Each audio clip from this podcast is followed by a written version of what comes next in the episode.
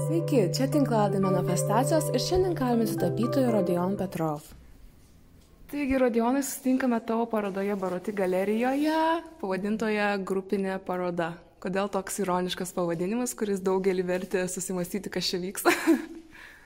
grupinė paroda iš tikrųjų gimė iš, iš mano praeitos parodos abejonės ir ginčiai, kuri įvyko Pamienkalio galerijoje Ir kai išsieksponavau darbus, e, tiesiog pastebėjau, kad darbai neturi tos vientisos vizualios linijos ir man tiesiog priminė lik ją kurtų keli skirtingi menininkai. Dėl ko aš iš tikrųjų buvau šiek tiek nusivylęs, nes aš nesitikėjau to pamatyti, bet po kažkiek laiko aš iš, iš tikrųjų kažkaip pagalvojau, kad to tikrai neįvyks nors ir pamačiau toje parodoje kažkiek ir privalumų ir gal, gal, gal man visai įdomi pasirodė, bet aš visą tai pamiršau ir kai pradėjau šiai parodai jau dėlioti idėjas, kai kurie darbai jau buvo sukurti. Ir aš pastebėjau, kad vėl nusimato ta pati istorija, kad paroda, e, dar, parodos darbai skirsis vieni nuo, nuo, nuo kito ir a, kažkaip greičiausiai turėsiu tai pateisinti kažkokiu tai būdu. Ir ta būtent gru, grupinė, mm. grupinė paroda, manau, visai, visai kaip ir galėtų, galėtų tai pateisinti.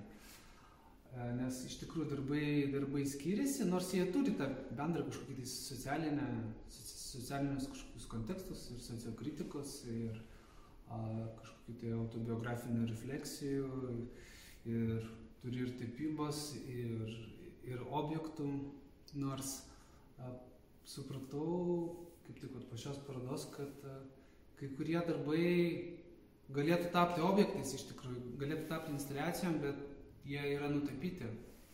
Nes jeigu mes pasistatom objektą, tai jis gali egzistuoti keliose medijose iš tikrųjų. Jis gali būti nutapytas, jis gali būti gyvai, gyvai egzistuoti, gali būti kažkaip transformuotis į, į meną objektą. Tai ir aš dabar a, lieku prie tokių, kartais prie tokių dilemų, a, į kokią mediją aš nukreipsiu te, tas idėjas. O tau svarbu, kad žiūrovas at, atpažintų tavo kodus? Taip, žinoma, man svarbu, tai tam ir, ir, ir rašomos ir anotacijos, ir Kartais, aišku, norisi ir prie kiekvieno darbo teksto a, tokio didesnio aprašymo, bet kartais gal ir tingi mm. žiūrovai skaityti. Iš tikrųjų, žiūrovas nori, kad jam papasakotų, aš manau. Net aš iš tikrųjų prisipažinsiu, kartais tingiu pasiskaityti visus tekstus, nes a, jeigu parodą praeini per kokią valandą, tai skaitant tekstus, tai turėsi likti kokias 3 valandas. O pats autorius arba kuratorius gali labai per trumpą laiką, greitai prabėgus per visus darbus, labai sus, sus, suspaudus visą informaciją, labai gražiai viską papasakoti. Tai taip, žinoma, noris, to noris. O kaip tave veikia tas informacinis triukšmas, kurį mes gauname kiekvieną dieną iš socialinių medijų? Skaičiau, kad tu iš vis namuose stengiasi nežiūrėti televizoriaus, riboji e, žinių kiekį. Kaip tave tai veikia vis dėlto? Nu, televizoriaus namie ne, neturiu, nors žmonės galvoja, kad net tie, kas ne, neturi televizoriaus, galvoja, kad jie mažiau žiūri ekranus, bet kadangi mes su, su telefonu gyvenam, telefonas tapo fotoaparatu, šviestuvėliu, knyga, laikraščių, televizorium ir telefonu, tai mes visgi praleidžiam prie ekrano gan daug laiko. Aš nežinau kaip riboja, aš tiesiog jaučiu, kad aš pavargstu, aš tiesiog atidedu į šoną telefoną, bet aš tikrai nemažai laiko skaitau, praleidžiu e, kokias dvi valandas. Tai žinoma, tai pažiūri žinias, paskaitai kažką, padirbi net prie telefono, tai iš tikrųjų labai daug. Bet man tai tinka kartais, nes e, visgi tas informacinis laukas tampa mano inspiracijos šaltiniu. Tai Tai yra mano, sakykime, kūrybos dalis. Ir kadangi dabar mes gyvename toje eroje, kai kiekvienas rankoje laiko savo asmeninį dienoraštį, kurį gali visiems transliuoti, tavo kūrinys e, autoportretas labai taip ironiškai pažvelgia į tai, kad... Taip. Iš tikrųjų, kalbant apie šį darbą, mm, nu, čia vėl ir, ir šiek, šiek tiek tos sociokritikos atsiranda, nes uh, mažiau suprantamas menas, mažiau vizualus, jis kartais tampa žiūrovų nebereikalingas, nes jį sunku perskaityti. Tai reiškia, tas menas lyg ir išmetamas iš fokuso, o išmestas daiktas atsiranda šiukšlynė faktiškai. Tai čia ir šiukšlynimas turim parodoje. Ir gaunasi, kad menininkas ieško savo idėjas minčių savartinę. Tai ir, ir kaip aš, aš, aš bandžiau suprasti, kaip menininko portretas galėtų atrodyti šios minties kontekste. Tai gautųsi, kad menininkas vaikšto kažkokiam tai savartinį ir ieško kažko pastoviai, tai kas išmesta, nes ir pats redimeidas irgi a, savotiškai išmestas daiktas, kuris gali persikelti į parodinės erdvės. Ir tokiu būdu, pagal tą visą logiką, menininkas atsiranda a, ma, automobilio savartinę ir taip, mes, taip aš ir prieėjau prie būtent autoportreto. Jisai vienu metu ir ironiškas, bet ir iš kitos pusės ir turi šiek tiek tokio kažkokio tai dramatiškumo. Mm. Man patiko, kad labai ironiškai pasižiūri į vis dėlto labai realią menininko būtį, kai jis turi rašyti paraiškas, turi aplikuoti visokiem konkursams, gauti stipendijas. Uh, kaip vis dėlto ir labai ironiškai žvelgdamas į tai, kaip neprarandi to tokio romantiško menininko gyvenimo būdo. Na čia vėl vėl toks autobiografiniai niuansai prasideda šiuose darbuose, nes, pavyzdžiui, pirmus septynis metus aš kūriau nežin, nežinodamas, kad galima gauti stipendijas. Ir kartais iš tikrųjų buvo labai sunku. Ir pastebėjau, čia net ne tik manęs liečia, kad kai, kai kurių projektų neįmanoma kartais įgyvendinti negavus kažkokio tai papildomo finansavimo. Na, aišku, čia galima pasiginčyti apie tų projektų arba tų kuriejų rezultatų vertę, bet, bet taip, jeigu mes dabar nukirpam visus tos stipendinius finansavimus, tai daugelis kuriejų arba organizacijų tiesiog sustotų veikti. Tai gaunasi, kad mes turim šiokią tokią priklausomybę nuo mm. tų papildomų mm. finansavimo šaltinių. O kaip menininkui net būkti, netapti tokiu patriotišku, dirbtinai, dirbtinai žiūrinčiu kieno metai, ar vidūno metai, ar mačernio metai. Kaip neprisitaikyti, bet vis tiek dar išgyventi? Nu, bet čia reikia iškoti balanso iš tikrųjų. Reikia iškoti balanso, reikia nepradėti savo gal meluoti kažkaip tiesiog likti sąžiningu visų pirma su savim, o paskui jau su, su visuomenė. Tai nėra gal lengva, bet reikia stengtis. Rodionai, gal gali papasakoti apie šį paveikslą ir kaip manai, ar jį suprastų Vilniuje arba Kaune gyvenantis intelektualai? Gal ne visus atpažintų? Gal ir ne visus atpažintų, bet greičiausiai žmonės dirbantis uh, veikiantis kultūros, kultūros sferoje, e, žinantis Rolandą Rastauską, kaip rašytoją, e, žinantis jo kūrybą, greičiausiai atpažintų jo knygos e, viršelį. Ši idėja iš tikrųjų gimė jau gan seniai, prieš kokius gal tris metus, kai Rolandas Rastauskas būtent čia darė savo knygos pristatymą ir mano žmona įsigijo iš tikrųjų šią knygą, kuri gan ilgus mėnesius namuose gulėjo ant komodos, kur aš kiekvieną dieną praeidavau.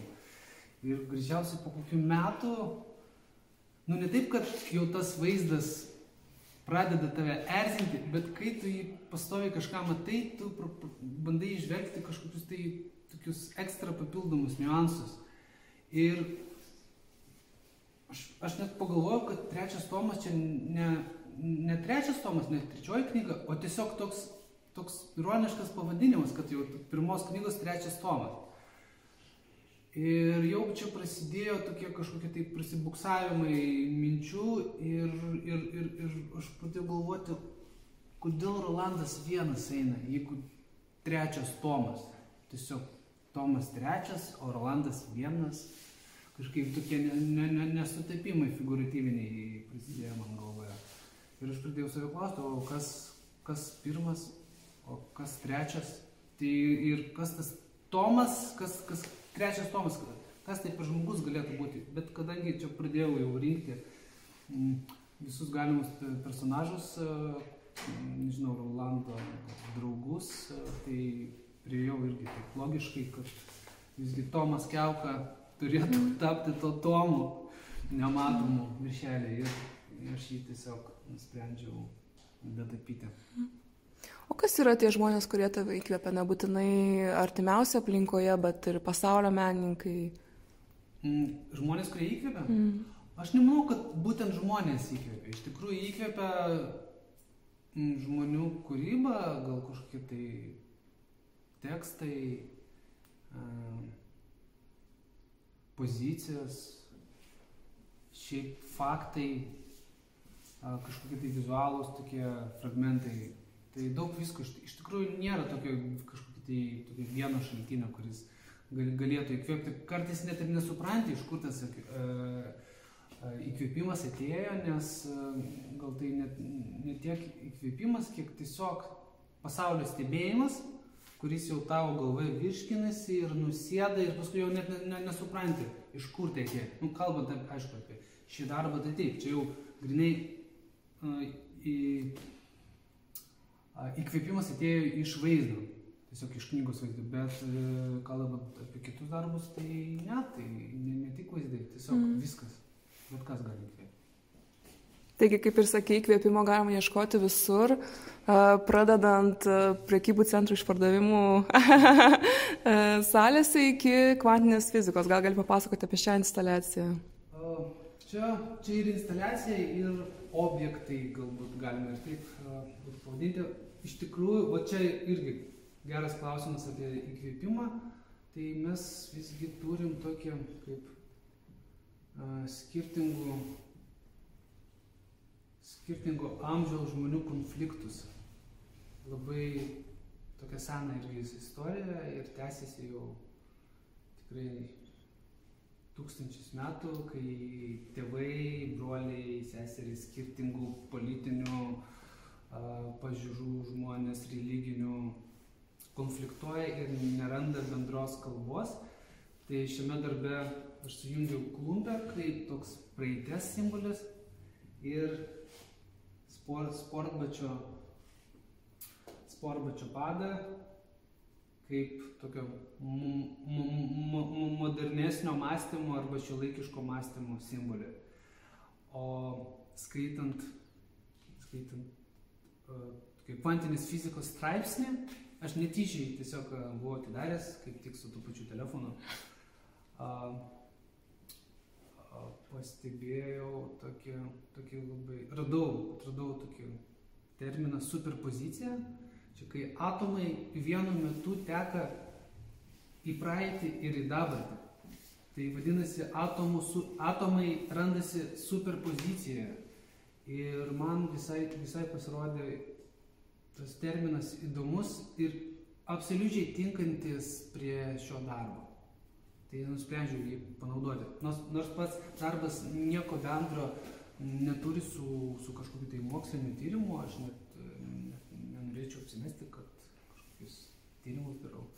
Tiesiog aš jį panaudojau, bet, bet mm, man gal labai visai malonu, kad mes galim kažkiek tai ir apie mokslą pakalbėti, atsispiriant nuo tokio gan paprasto iš tikrųjų mm. ir gan lengvai suvokiamo darbo. O kokia muzika skamba tavo studijoje?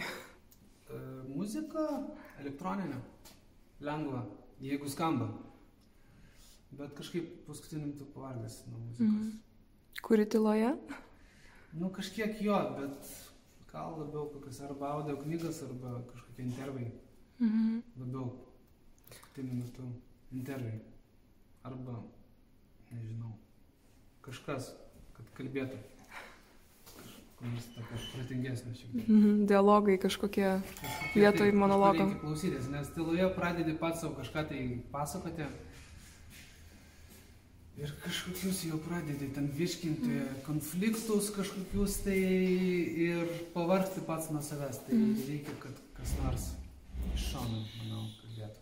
Labai dėkoju už tavo atsakymus. Ši paroda dar vyks iki sausio 20 dienos. Tai kviečiame visus į Baroti galeriją. Ačiū tau, Radion. Ačiū. Viso gero.